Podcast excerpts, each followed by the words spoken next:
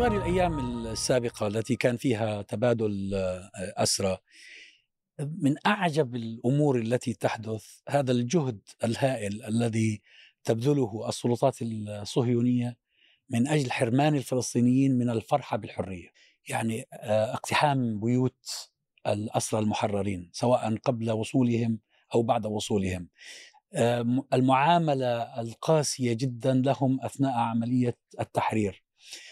تهديد الأسرى المحررين بأنهم إذا أبدوا سمات فرح وابتهاج هم أو أو أهلوهم هذا سيجر عليهم عقوبات ويمكن أن يعاد اعتقالهم. هذا يؤكد النظرة الصهيونية للإنسان الفلسطيني. هي نظرة كل المستعمرين على فكرة كل المشاريع الاستعمارية حتى تبرر نفسها وتبرر ما ترتكبه من جرائم بشعة في حق ضحاياها تنزع عنهم الإنسانية. ليس من حقهم أن يعيشوا كما يعيش الناس ليس من حقهم أن يفرحوا كما يفرح الناس. لا لا يعاملون كأوادم. وطبعا واضح في القضية الفلسطينية سواء في الاحتلال في الضفة الغربية أو في الحصار اللي على المفروض على قطاع غزة أو حتى في معاملة فلسطيني 48 اللي بيعتبروا بالرغم من أنهم مواطنون إسرائيليون من من الناحية الرسمية. فهذا نزع الإنسانية عن الضحية يعطي للمجرم كل المبررات التي تجعله في الليل ينام مرتاحا بعد كل ما ارتكبه من جرائم. بس لاحظ معي دكتور عزام إنه هذه هذه النظرة الاحتلال للمدني الفلسطيني اللي هو يفترض إنه يكون متساوي تماما مع كل الشعوب في الأرض أنه هذه لاقت استجابة من قوى غربية. نحن بنتكلم عن الولايات المتحدة الأمريكية بنتكلم عن فرنسا بنتكلم عن ألمانيا بنتكلم عن بريطانيا. بالتالي هذه الدول الكبرى هي مسؤولة يفترض عن حماية السلم والأمن في العالم. هذا مسألة مسألة ثانية يفترض فيها أن تكون هي راعية لحقوق الإنسان. لأن هذه الدول الكبرى هي قمة المجتمع الدولي هي التي موجودة دائما في مجلس الأمن. وبالتالي التساوق مع مع رواية الاحتلال الإسرائيلي بمعنى شيطنة الإنسان الفلسطيني ومحاولة نزع الأنسنة والإنسانية عنه في محاولة لتحويله وكأنه هو محور شر وهو عبارة عن خطر لا يتهدد فقط الاحتلال وإنما يتهدد البشرية. وهذا الكلام كان في البدايات في الأيام الأولى من من هذا من هذه هذا العدوان. كان واضح تماما على لسان المسؤولين الإسرائيليين، نحن نتحدث عن بنيامين نتنياهو وبنيامين نتنياهو بالمناسبة. فكرة ونظرته وتسويقه الإنسان الفلسطيني على أنه هو يشكل تهديد عالمي على الحضارة الغربية هذا ليس حديثا بالنسبة له هذا قديم وله كتابات في ذلك ويقول ذلك وبشكل واضح ويروج بأن الفلسطيني في مواجهته للاحتلال يشكل عبارة عن خطر عالمي وهذا اللي كانوا بيحاولوا يشتغلوا عليه في بداية الأيام الأولى آه، من من هذا الصدام أو العدوان الذي حصل على قطاع غزة. أنا الإشكال الحقيقي اللي دائما نقف نقف عنده إذا كان هذا احتلالا وزي ما تفضلت إنه طبيعي جدا إنه هو يروج لفكرة إنه الطرف الآخر خصم بدي بدي يعني أسمه بالوحشية بأنه هو آه، ليس انسانا هو حيوان كما جاء على لسان وزير وزير الدفاع الإسرائيلي. لكن الإشكال حقيقة واللي يقف الإنسان آه، أمامه أنه كيف لهذه المنظومة الغربية اللي العالم كله ينظر لها على أنها حامية للسلطة الأخلاقية في العالم أن تسقط هذه السقطة المدوية. ما هي مهمة لأنهم هم رعاة المشروع الاستعماري. يعني هو من الذي أوجد آه، الكيان الصهيوني؟ ومن الذي يسهر على وجوده؟ وعلى سلامته وعلى أمنه ويزوده بكل أدوات القتل والتنكيل فهو مشروعهم يعني. طبعا يعني لا يوجد يعني تناغم ما بين الاحتلال والاهتمام بالإنسان. وبالتالي رأينا إنه أحد ضباط الاحتلال وهو يحاول أن يقذف قذيفة على أهالي غزة ويصور بمناسبة عيد ميلاد ابنته. هذه حالة حقيقة مليئة صورة مليئة بالكراهية مليئة بالإرهاب مليئة بعدم يعني حب الإنسان والكون والحياة لأن حتى الحروب كما معلوم في القوانين الدولية لها أخلاقيات. نحن نتحدث عن الحروب العادلة لها أخلاقيات وبالتالي هذا الحالة موجود اليوم في غزة حقيقة بعيد حتى عن أبسط أخلاقيات الحروب. كيف يمكن لضابط أن يحتفل بعيد ميلاد ابنته عبر قتل الآخرين. رأينا بالأمس أن طفلا في التاسعة من عمره قتل برصاص القناص الإسرائيلي.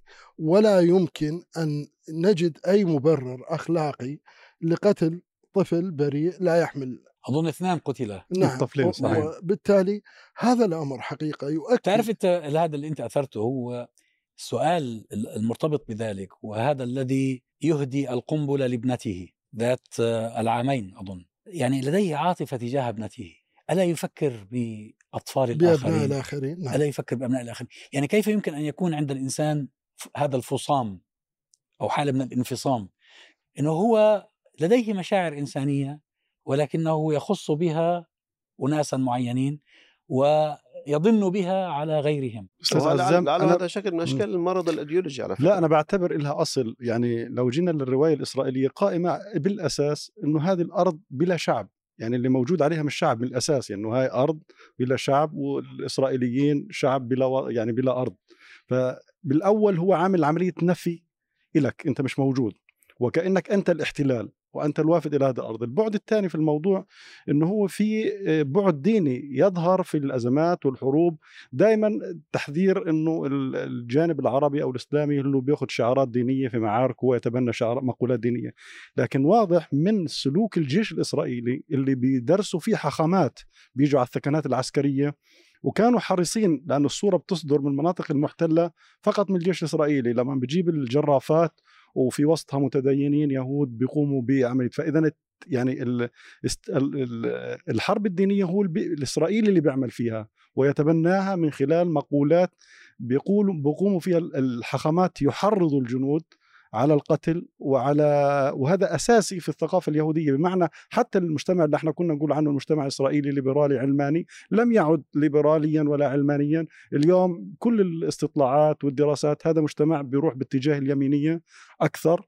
بس هو آه. الحقيقة هذا مش في الثقافة اليهودية بقدر ما هو في الثقافة الصهيونية. صهيوني طبعا آه، نعم. لأن لأن اليهود بينهم خلاف حول هذا الأمر. أصلا عندما نشأ المشروع الصهيوني كان معظم يهود العالم ضد الصهيونية. وبمبررات دينية.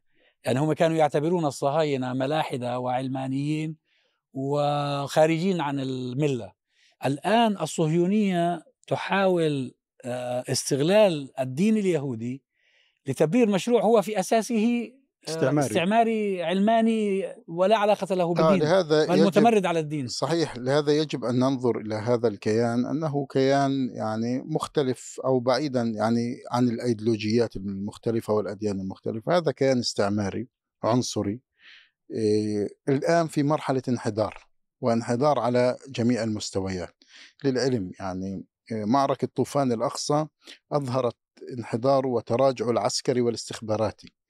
اليوم هذه المشاهد مشهد آه، القتل والوحشية واستهداف النساء وضرب المستشفيات وقصف آه، يعني المرضى وقصف ما- مستشفى الشفاء والمعمداني وقتل المئات بل الآلاف هذا هذا يعني أن الاحتلال الإسرائيلي أيضا منحدر في البعد الأخلاقي والقيمي. وهذا أخطر أنواع الانحدار للعلم وهذا الذي باعتقادي أنه بدأ يؤلب الرأي العام الدولي عليه. صحيح أن المنظومة الغربية هي التي أنشأت ورعت ودعمت وساندت هذا الكيان لكن الرأي العام الداخلي في هذه المنظومة بات في حالة صدمة وحالة ازدواجية. صحيح مصالحنا مع هذا الكيان لكن هذا الكيان لم يعد مؤهل لا أخلاقيا ولا استخباراتيا ولا عسكريا ولا قوة في أن يستمر ويلبي حاجتنا ويلبي مصالحنا. هذا أنا بعتقد أن أعظم الصور التي ظهرت هي بمشهد آه، تسليم آه، الأسرى والمحتجزين لدى المقاومة الفلسطينية آه، للصليب الأحمر آه، وإعادتهم. هذا مشهد بعيدا عن أنه فيه تمكن وقوة أيضا فيه علو وسمو أخلاقي. يعني الم- المشهد ال- العاطفي والمشهد الود ما بين الآسر والمأسور يدل أن هناك معاملة إنسانية طوال فترة الأسر. هم يعني بأبهى صورة يخرجون مبتس فيه ابتسامة فيه علاقة جيدة. هذه العلاقة لم تأتي بيوم أو بلحظة أو بتوصية لأنه يمكن أن يكذب كل شيء إلا لغة العيون. يعني هذه اللغة كسرت فكرة آه. الرهينة يعني. أيوه لم تعد هذه رهية ولهذا هذا أثبت أن هناك مصداقية لما قالته المقاومة الفلسطينية على لسان الناطق باسمها أبو عبيدة حينما قال أن هؤلاء ضيوف لدينا ونحن ننتظر أن تهدأ الحرب أو أن يخلق تخلق بيئة مناسبة للإفراج عنهم وللعلم كانوا سيفرجون عنهم دون حتى مقابل ولم يعرضوا مقابل في البداية لولا تعنت الاحتلال ولولا يعني استبداده واستكباره وكانت هي فرصة من أجل وقف إطلاق النار ووقف هذه الوحشية. اليوم لا العالم والرأي العام الغربي أيضا وأنا أثق يعني أنه يمكن أن يكون هناك صحوة ضمير في هذه اللحظة أمام بشاعة ما ما ما يروا وما نشاهد من هذا. ولهذا لا يجب علينا أيضا الاتكاء أن هناك انحدار قيمي وأخلاقي كبير. هو الذي قد يؤدي إلى حقيقة آه، ضرب هذا المشروع آه، بمقتل. أما هذا المشروع حقيقة- بذاته حقيقة أستاذ إبراهيم أنا حابب بتوقف بفكر بنفس المنطق اللي حكى فيه دكتور عزام. يعني لماذا هو في نفس اللحظة يبدي مزيد من الحنان والعطف والعلاقة الإنسانية الودية مع ابنته بنت آه، سنتين ولا يبدي أي شيء من الإنسانية؟ يعني التفسير لهذا الموضوع يعني صحيح أنه انف- من ناحية مرضية هو انفصام لكن ما الذي سبب هذا الانفصام في مجتمع؟ نحن لا نتحدث عن أفراد نحن نتكلم عن مجتمع عن مؤسسة عسكرية عن مؤسسة أمنية عن دولة. ولذلك أنا يمكن أرجع في أحد أسباب هذا الموضوع فيما يتعلق بتقديس الذات بمعنى وضع نفسك فوق الآخر. يعني العودة للعديد من أو بعض المصادر ال- المتعلقة بال- بال- باليهودية التي تجعل من من الإنسان اليهودي هو إنسان فوق الآخر فوق البشر. وبالتالي حتى هذا كمان تخرج منها اللي هي فكرة السامية ومعاداة السامية. ما هو ما, ما الإشكال ما الإشكال؟ أنني أحترم ابن سام لكنني لي الحق في انتقاد سلوكه. هذا الأمر الطبيعي. يعني لا يمكن أن تقبل لعرق ما هو خارج سياق النقد. خارج سياق المحاسبة خارج سياق أن تقول له أنت أخطأت. فبالتالي هذا التقديس هذا التأليه وإعطاء نفسك الشرعية في استباحة حتى دماء الأطفال، يعني أنا اليوم لما بشوف آه، وزير سموتريتش وزير مالية بن كفير وزير أمن قومي، عندما هو هذا الشخص الوزير يؤمن إيمانا عقديا وليس فقط احتلاليا بالمعنى السياسي وإنما العقدي إنه قتل الطفل جائز. وبالتالي هو يعني يعني كان نزع نزع من نفسه فكرة الإنسانية، نزع من نفسه إنه هو يساوي البشر والبشر أيوة، يساويه. وهذا العلو المقدس والاستعلاء المقدس على البشرية حقيقة أمر آه، م- معيب في البشرية.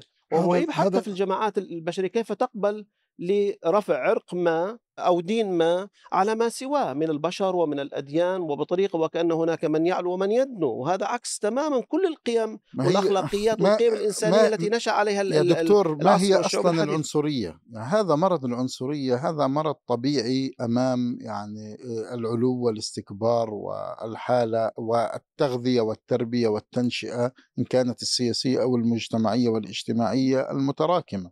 يعني هذا الجيل من الكيان الصهيوني الذي تربى على الكراهية وتربى على الأحقاد وتربى على آه، كره آه، يعني آه، الأغيار كما يسمونهم. هذا يعني من من صغره هو يعتبر نفسه أنه العرق ال- الاسمى والافضل وأحباء الله آه، وهو والجميع يجب أن يكون خدما له وينظر لهم بالفعل. يعني هناك آه، لقطات صعبة حتى في الإعلام الغربي. يعني في البي بي سي هي آه، تقول آه، بتسأل أحد ال- الإسرائيليين آه، مستنكرة المذيعة أنه هناك من يقول أن هؤلاء حيوانات. قال نعم يعني هم الآن تشربوا هذه الفكرة هذه الفكرة دخلت آه، عقولهم. ومن هنا أنا أعتقد أن هذا الكيان هذا الكيان بعيدا عن مسمياته الكيان هذا ال- الصهيوني المغروس في منطقة الشرق الأوسط هذا ليس خطرا فقط على الفلسطينيين.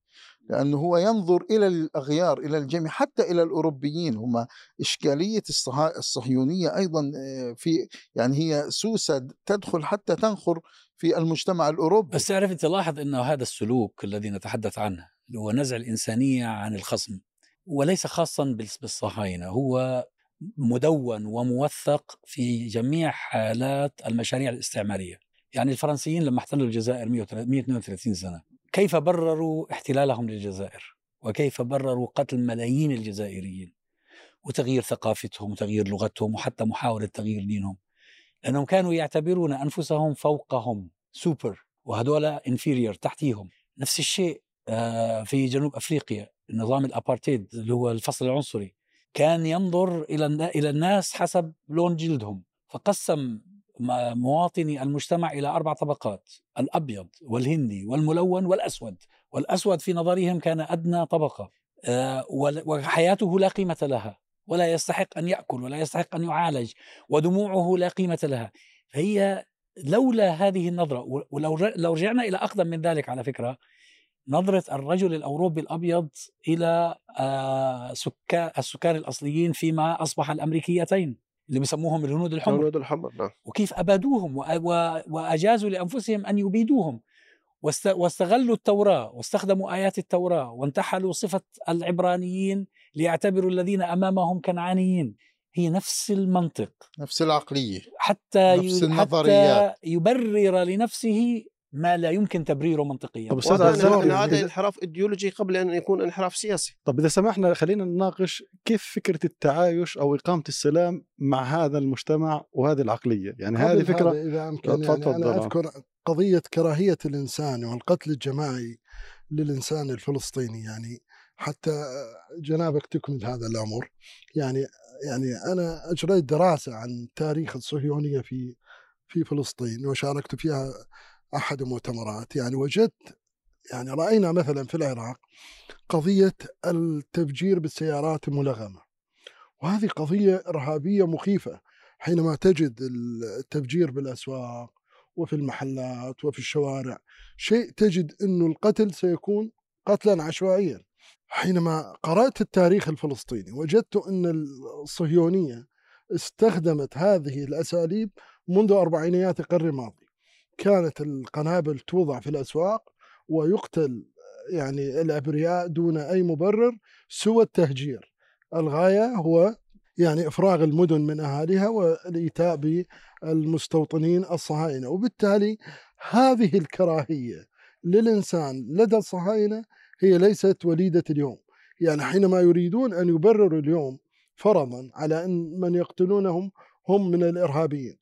فكيف نتصور مقتل أكثر من ستة آلاف طفل فلسطيني اليوم في بعد طوفان أقصى وأربعة آلاف امرأة؟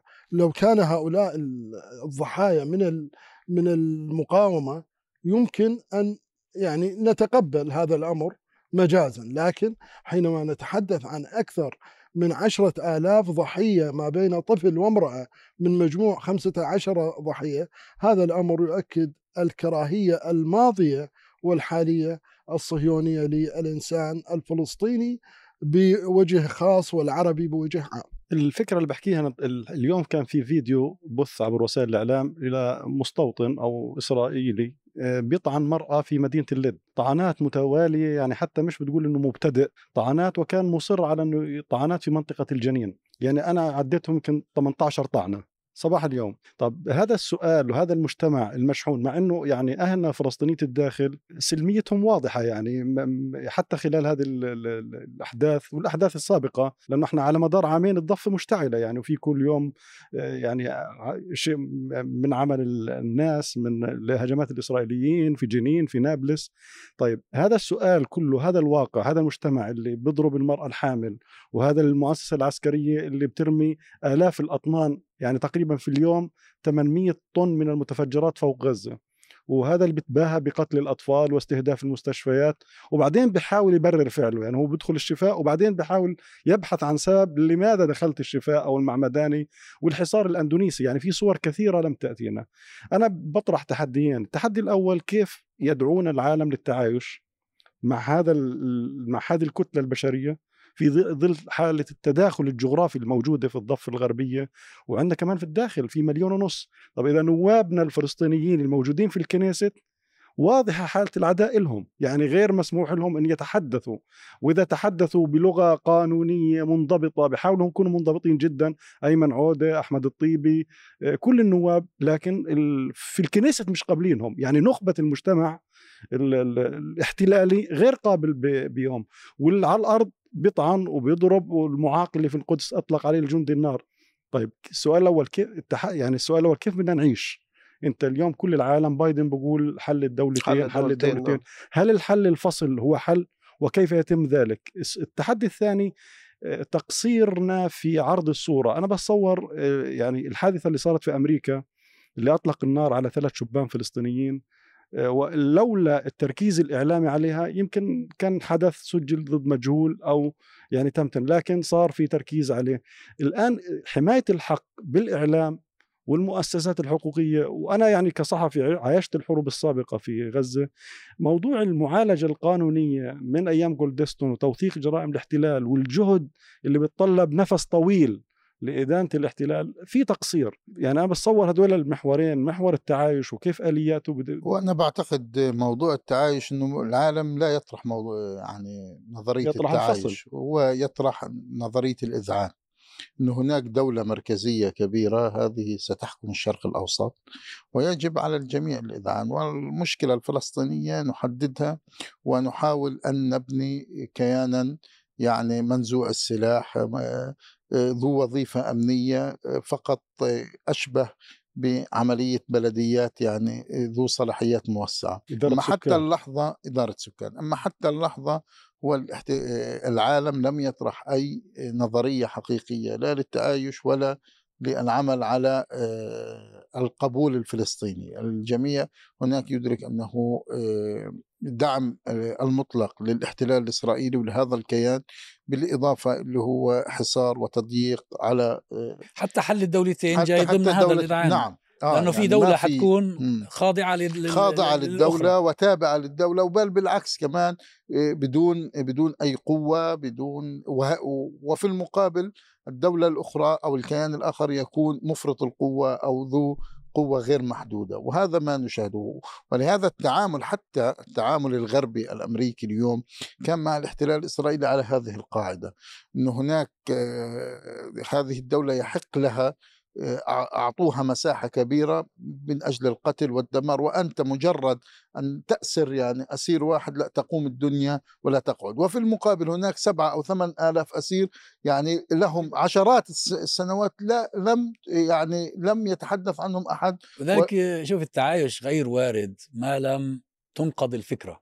الفكرة التي يقوم عليها المشروع الصهيوني هي المشكلة وهذه شبيهة بفكرة الفصل العنصري اللي كانت في جنوب أفريقيا. يعني لما راحوا لنيلسون مانديلا في السجن وقالوا له بدنا نحل الإشكال قال لهم تنهوا الأبارتيد ما فيش حل آخر. كل من في هذا البلد بغض النظر عن لون جلدهم وأصلهم وعرقهم ودينهم يصبحوا مواطنين متساوين إذا وافقتوا على ذلك تعالوا احكوا معي. طب هذا مش وصفة لاستدامة الصراع؟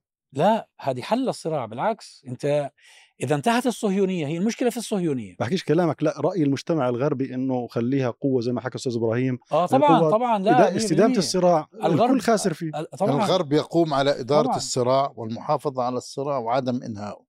ولهذا هو دائما يقوم على هذه المعادلة أنت فكر التي- فيها؟ كيف تفكر فيها؟ لا تفكر في الكيان الصهيوني المزروع في فلسطين بأنه شيء منعزل.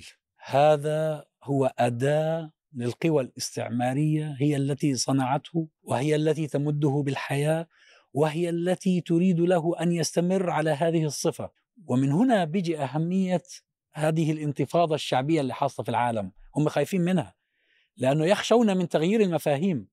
لأنه لما تغيرت المفاهيم تجاه جنوب أفريقيا راح نظام التفرقة العنصرية. نظام الفصل العنصري انتهى. ولا كيف؟ أيام ريغان وأيام آه، ثاتشر كان نيل- نيلسون مانديلا يعتبر آه، إرهابي. ال ANC يعتبر إرهابي. كيف أصبحوا أبطال؟ تغيرت نظرة العالم له